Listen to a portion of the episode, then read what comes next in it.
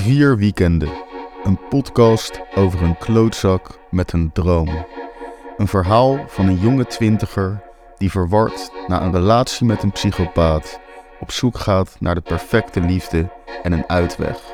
Een uitweg van zijn kutbaan, zijn uitzichtloze leven, zijn doelloze bestaan. De novelle, die origineel verscheen op People in Print van Haags cultuurbordeel Pip, zal uitkomen in 15 hoofdstukken over de vier weekenden van maart. Geschreven en voorgelezen door mij, Dario Goldbach, met muzikale begeleiding door Shamsuddin. De eerste aflevering verschijnt volgende week woensdag op 1 maart. En denk eraan, waarderen is abonneren.